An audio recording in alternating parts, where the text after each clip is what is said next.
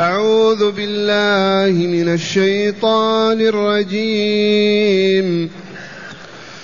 وإلى مدين أخاهم شعيبا فقال يا قوم اعبدوا الله وارجوا اليوم الآخر ولا تعثوا ولا تعثوا في الأرض مفسدين. فكذبوه فأخذتهم الرجفة فأصبحوا في دارهم جاثمين. وعادا وثمود وقد تبين لكم من مساكنهم وزين لهم الشيطان أعمالهم فصدهم عن السبيل وكانوا مستبصرين وقارون وفرعون وهامان ولقد جاءهم موسى بالبينات فاستكبروا في الأرض فاستكبروا في الأرض وما كانوا سابقين فكلا أخذنا بذنبه فمنهم من أرسلنا عليه حاصبا ومنهم من أخذته الصيحة ومنهم من أخذته الصيحة ومنهم من خسفنا به الأرض ومنهم من خسفنا به الأرض ومنهم من أغرقنا وما كان الله ليظلمهم ولكن كانوا ولكن كانوا أنفسهم يظلمون. أحسنت. معاشر المستمعين والمستمعات من المؤمنين والمؤمنات أسألكم بالله من قص علينا هذا القصص. والله ما هو إلا الله. ولا يستطيع إنسان على وجه الأرض أن يقص مثل هذا القصص. اذا فالذي نزل عليه هذا القصص يستحيل أن يكون غير رسول الله. والله إن محمدا لرسول الله. وإن كفر الناس أجمعون. كيف لا يكون رسولا؟ وهذا الوحي الإلهي ينزل عليه. هذه الأخبار من أخبر بها؟ الله ليس إلا الله وهل يكون جائزا أن يخبر بالخبر وهو غير موجود وينفيه الملاحدة والعلمانيون. مستحيل. ما من خبر إلا والمخبر موجود أخبر به. كيف يخلق هذه الأشياء ويقولون غير موجود؟ عمى هذا ماذا؟ ضلال بين فساد في القلوب. ينكرون وجود الله. من أوجد هذا الكون؟ والسر في ذلك أن لا يعبدوا الله ولكن يفسقون ويفجرون اتباعا لوحي الشيطان وبياناته. قول ربنا وإلى مدين أي وأرسلنا بعثنا إلى مدين قرية مدينة كبيرة تسمى مدين باسم الرجل الأول سميت به. بعثنا لهم أخاهم شعيبا وشعيب نبي من أنبياء العرب. أنبياء العرب خمس أو ستة أو أربعة أربعة شعيب منهم. ومدين هذه ما بين فلسطين والأردن والشام في المنطقة والحجاز أيضا. وإلى مدن أخاهم شعيبا أرسلناه فماذا قال؟ يا قوم يا قوم اعبدوا الله وارجوا اليوم الآخر ولا تعثوا في الأرض مفسدين. ذي دعوته. ما قال؟ أعطوني دينار ولا درهم. ولا أتركوا نساءكم ولا فرطوا في أولادكم. ماذا قال لهم؟ اعبدوا الله. أذلوا له واخضعوا بطاعته. إن قال صوموا صمتم وإن قال أفطروا أفطرتم. قال اركعوا ركعتم قال اسجدوا سجدتم. ذي هي العبادة. اعبدوا من؟ الله. وكانوا يعترفون بوجود الله. عرفوا أن الله هو خالق الخلق وأنه بيده كل شيء. وهذا المذهب العقدي استمر طول الحياة إلا منذ زمان بسيط لما ظهرت الشيوعية والماسونية كذبوا الناس في وجود الله. وإلا المشركون على أصنافهم لا ينكرون وجود الله. كيف يقول الله غير موجود وأنت من أوجدك؟ أمك من أوجدها. مستحيل. يؤمنون بالله لكنهم يعبدون سواه. يعبدون سواه بعبادات ما شرعها الله. فكيف يسعدون بها ويكملون عليها؟ ماذا قال شعيب عليه السلام؟ يا قوم اعبدوا الله اولا وارجوا اليوم الآخر. أرجو آمنوا به وانتظروا مجيئه لأنه يكشف الستار ويظهر العار ويتبين السعيد والشقي في هذا اليوم. ما تنسوه ما تغفلوا عنه لا تعرضوا عنه. اذكروا الدار الآخرة. وما أحوجنا إلى هذه. والله ما أحوجنا إلى هذه. ملايين المسلمين ما يذكرون الدار الآخرة ما يفكرون فيها. والله عز وجل امتدح رجالا من قوم عبيده فقال تعالى وأخلصناهم بخالصة ذكر الدار. ميزناهم بميزة وهي أنهم ما ينسون الدار الآخرة. هؤلاء رسل الله وأنبياء وصالح عباده. إنا أخلصناهم بخالصه خاصة وهي ذكر الدار الآخرة. هذا شعيب يقول لأهل مدين وارجوا اليوم الآخر ما تنسوا ما تكذب به ما تعرض عنه فكروا فيه لأنه يوم الجزاء. هذا اليوم يوم عمل وذلك يوم جزاء. فما دمتم تعملون اليوم فكروا في يوم جزاء أعمالكم التي تعملونها ومرة ثانية الذي ينسى الدار الآخرة قريب ممن ينسى الله ما يستقيم أبدا ولا يفعل خيرا ولا يكف عن شر ولا خبث ولا فساد. الذي ينسى الله كالذي ينسى الدار الآخرة. يموت موتا كاملا. يصبح حيوان كالحيات والثعابين. ثالثا ولا تعثوا في الأرض مفسدين. ما تعصوا الله في الدنيا.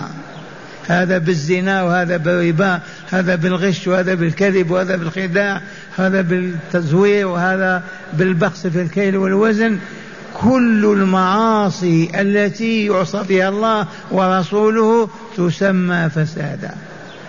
والعامل بالمعاصي في أي مكان هو عامل بالفساد في الأرض. عاثي في الأرض فسادا. ولا تعثوا في الأرض مفسدين. وكانت لهم جريمة وهي التطفيف في الكيل والوزن عجب. وبخس الناس أموالهم. البضاعة تساوي ألف يقول له عشر ريالات. إذا قال تعالى فكذبوا. كذبوا شعيبا. ما آمنوا بما قال لهم. ما أجابوه ما فعلوا. لأن الله كتب شقاوتهم وأعد لهم دار البوار والخسران كذبوا. فأخذتهم الرجفة فأصبحوا في دارهم جاثمين صيحة ارتجت لها القلوب الأرض تحركت. ماتوا عن آخرهم. فأخذتهم الرجفة فأصبحوا في دارهم جاثمين على ركبهم. أموات لا يبصرون ولا يتكلمون. في ساعة واحدة. هذا الهلاك نتيجة التمرد والعصيان وإلا لا؟ نتيجة الخروج عن طاعة الله. ينزل كتابه ويبعث رسوله ويبين لعباده. فينتكسوا ويعرضوا ويعملون بطاعة الشيطان فيعصون الرحمن. لا بد وأن تنزل بهم نقمة الله في الدنيا والآخرة. عرفنا هذه الآية وإلى مدين والآن قال تعالى وعادا أيضا وثمودا أي وأرسلنا إلى عاد هودا وإلى ثمود صالحا. ثمود وعاد عاد في الشحر ما بين عمان وعدن. تلك الصحارى إلى الساحل هي هي الشحر. وثمود جنوب شمال المدينة مدائن صالح. وعادا وثمود أي وأرسلنا إلى عاد وثمود. أرسلنا هودا لعاد وصالحا لثمود. ما استجابوا ما عبدوا الله أصروا أهلكناهم. كما أهلكنا الآخرين. أما عاد أرسل عليهم ريحا صرصرا سبع ليالي وثمانية أيام. والله ما بقي أحد. المؤمنون هربوا خرجوا مع رسولهم لما جاء وعد الله. والمشركون والفاسقون والفاجرون استمروا حتى أتت عليهم الموت ولم يبق أحد. وثمود. ثمود صيحة. قال لهم ربهم اسمعوا تمتعوا في داركم ثلاثة أيام. اشربوا كلوا وانكحوا وفرفشوا كما شئتم. ثلاثة أيام فقط. يوم الأربعاء اصفرت وجوههم. يوم الخميس اسودت وجوههم. يوم الجمعة كذا. صباح السبت ما بقي أحد. صيحة واحدة خرجت القلوب. هذه ثمود. من فعل هذا الفعل يرحمكم الله؟ يقدر عليه كائن سوى الله؟ مستحيل. كيف يكفر بالله؟ مستحيل. والديار موجودة ديار عاد وديار ثمود تفضلوا. ما حكايات هذه؟ أحداث واقعة ثابتة. لو كذب بها العرب والمشركون كلهم والله ما كذبنا لأن الله أخبر وبكتابه أنزل. قال تعالى وقد تبين لكم من مساكنهم وزين لهم الشيطان أعمالهم فصدهم عن السبيل وكانوا مع الأسف مستبصرين. عاد وثمود وقد تبين لكم أيها المشركون يا أهل مكة يا قريش تبين لكم من مساكنهم في الشمال والجنوب إلى لا. وزين لكم الش... لهم الشيطان أعمالهم أي للمشركين من عاد وثمود زين لهم أعمالهم فصدهم عن طريق الله. حسن لهم باطلهم أغانيهم مزامرهم أكلهم رقصهم شربهم. كذا حسنه فاستمروا عليه حتى أهلكهم الله. وكانوا مستبصرين. صناع عجب تجار عجب ما كانوا عميان ضلال. ولكن مع استبصارهم صرفهم العدو فتنكروا للحق ولم يقولوا به ولم يعرفوه.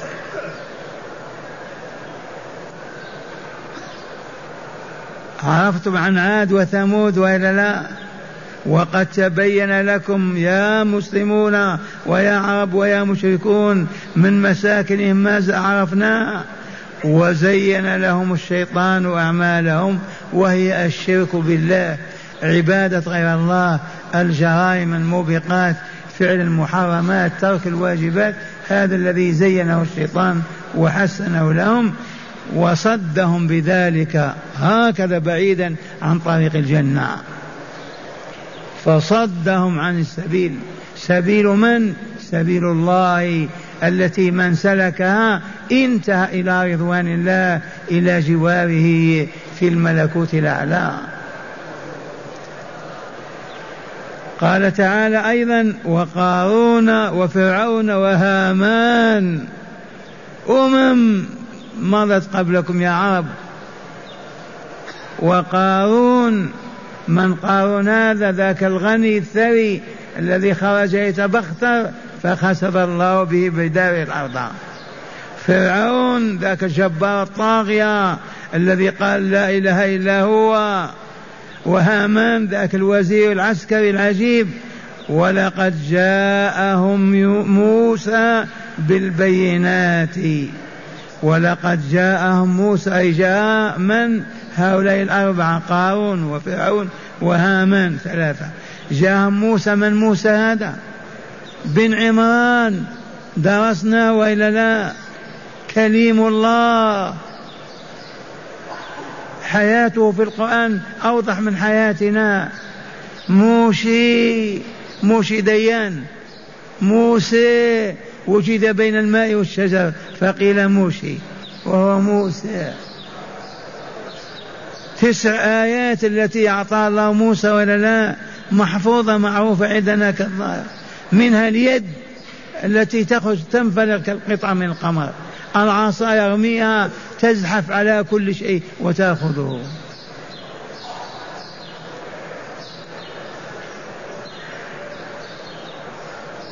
ولقد جاءهم موسى بالبينات بالحجج الظاهرة والبيانات القطعية مع الأسف فاستكبروا في الأرض وكانوا سابقين وما كانوا سابقين أي أهلكناهم. ولقد جاء موسى بالبينات أي الحجج والبراهين الآيات التسع. فاستكبروا والا لا أبوا أن يتبعوا موسى. أبوا أن يخنعوا ويخضعوا لله ويعبدوه استكبارا في الأرض.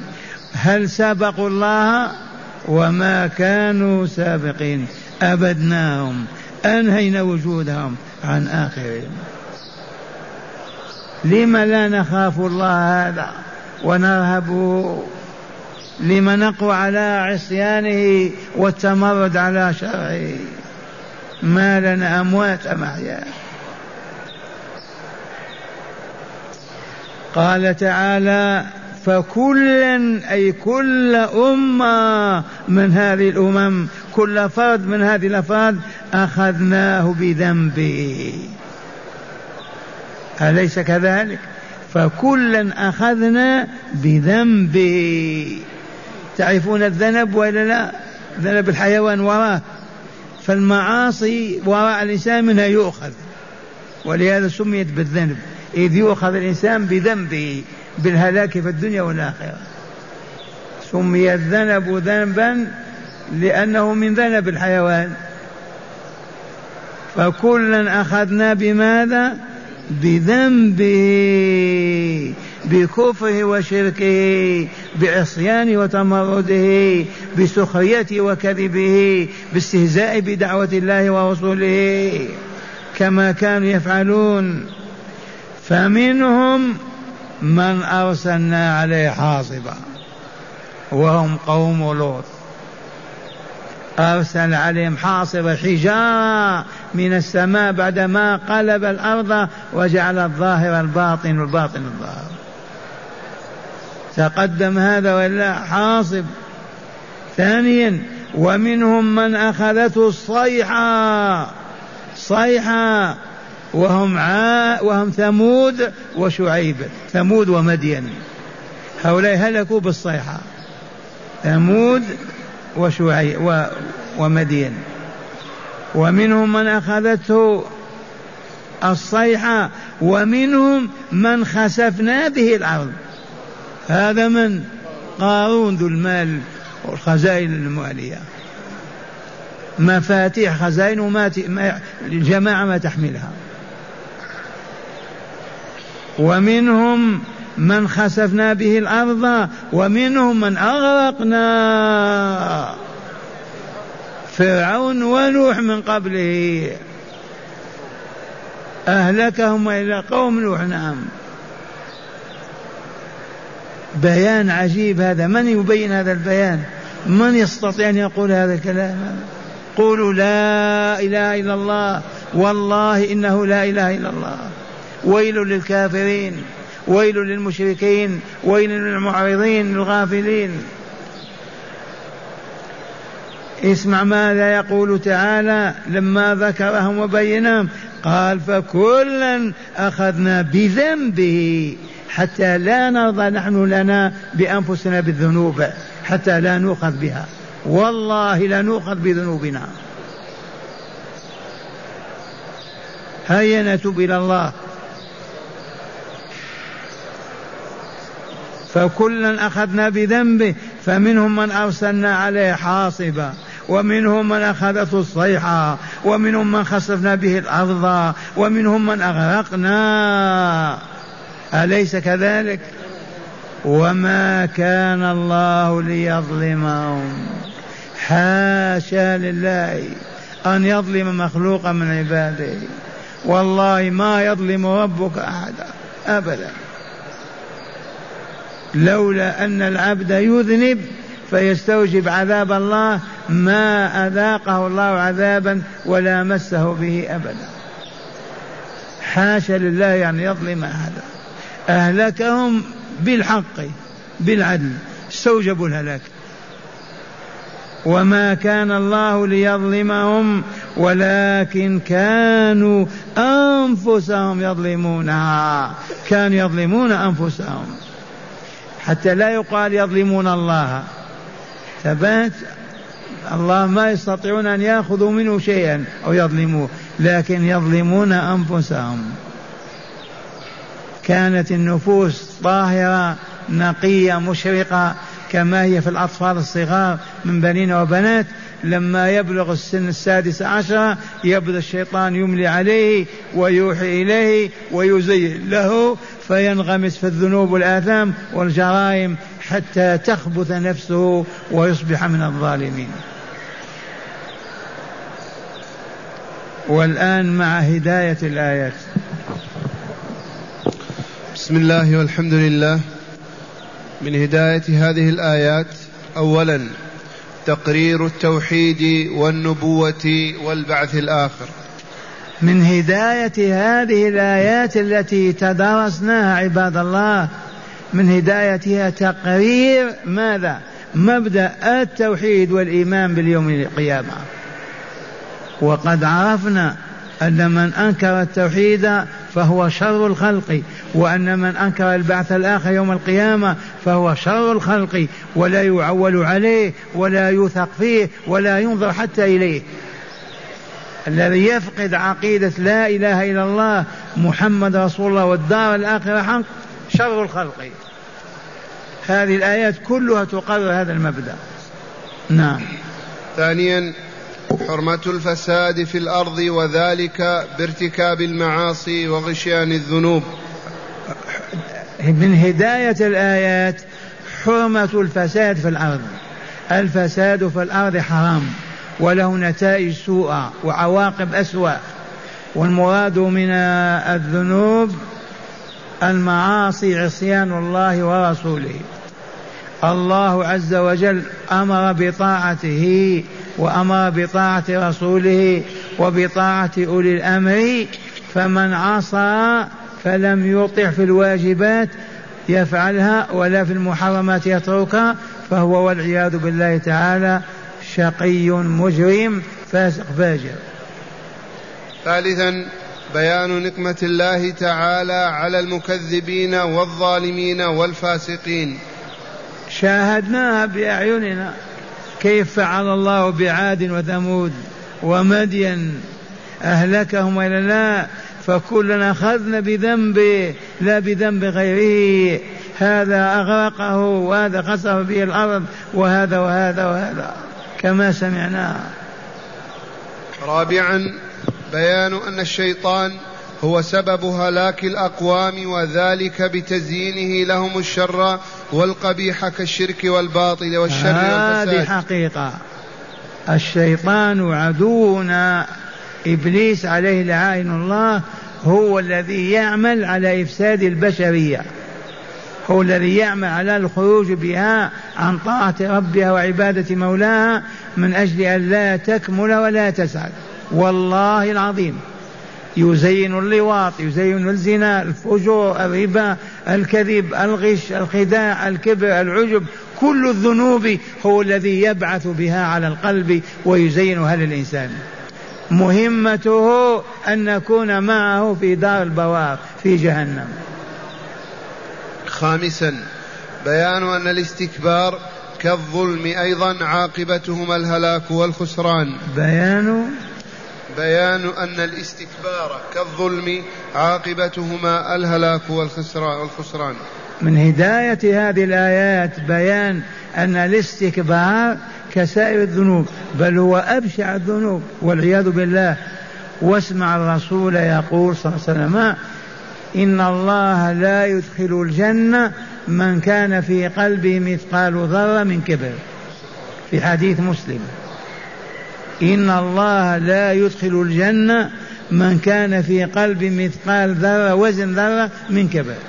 لأن الذي في نفس هذا المثقال ما يصوم ما يتقي الله ما يعبد الله يمشي وراء الشيطان أعمى ضال فكيف يدخل الجنة؟ فلهذا نبى إلى الله من الكبر والمتكبرين والمستكبرين وندعو أن نكون متواضعين متطامنين ذليلين بين يدي ربنا. نعم. سادسا بيان أن الله تعالى ما أهلك أمة حتى يبين لها ما يجب أن تتقيه من أسباب الهلاك والدمار فإذا أبت إلا ذاك أوردها الله مواردها. هذه حقيقة علمية ثابتة. من هداية هذه الآيات أن الله لا يهلك فردا ولا جماعة ولا أمة إلا إذا بين لها الطريق الذي تسلكه فتنجو. فإذا بين وأعرضت وتكبرت واستجابت للشيطان وأبت أن تطيع الرحمن حينئذ يدمرها بما شاء وينزل بها عذابه كما يشاء. وما ظلمناهم ولكن كانوا أنفسهم يظلمون.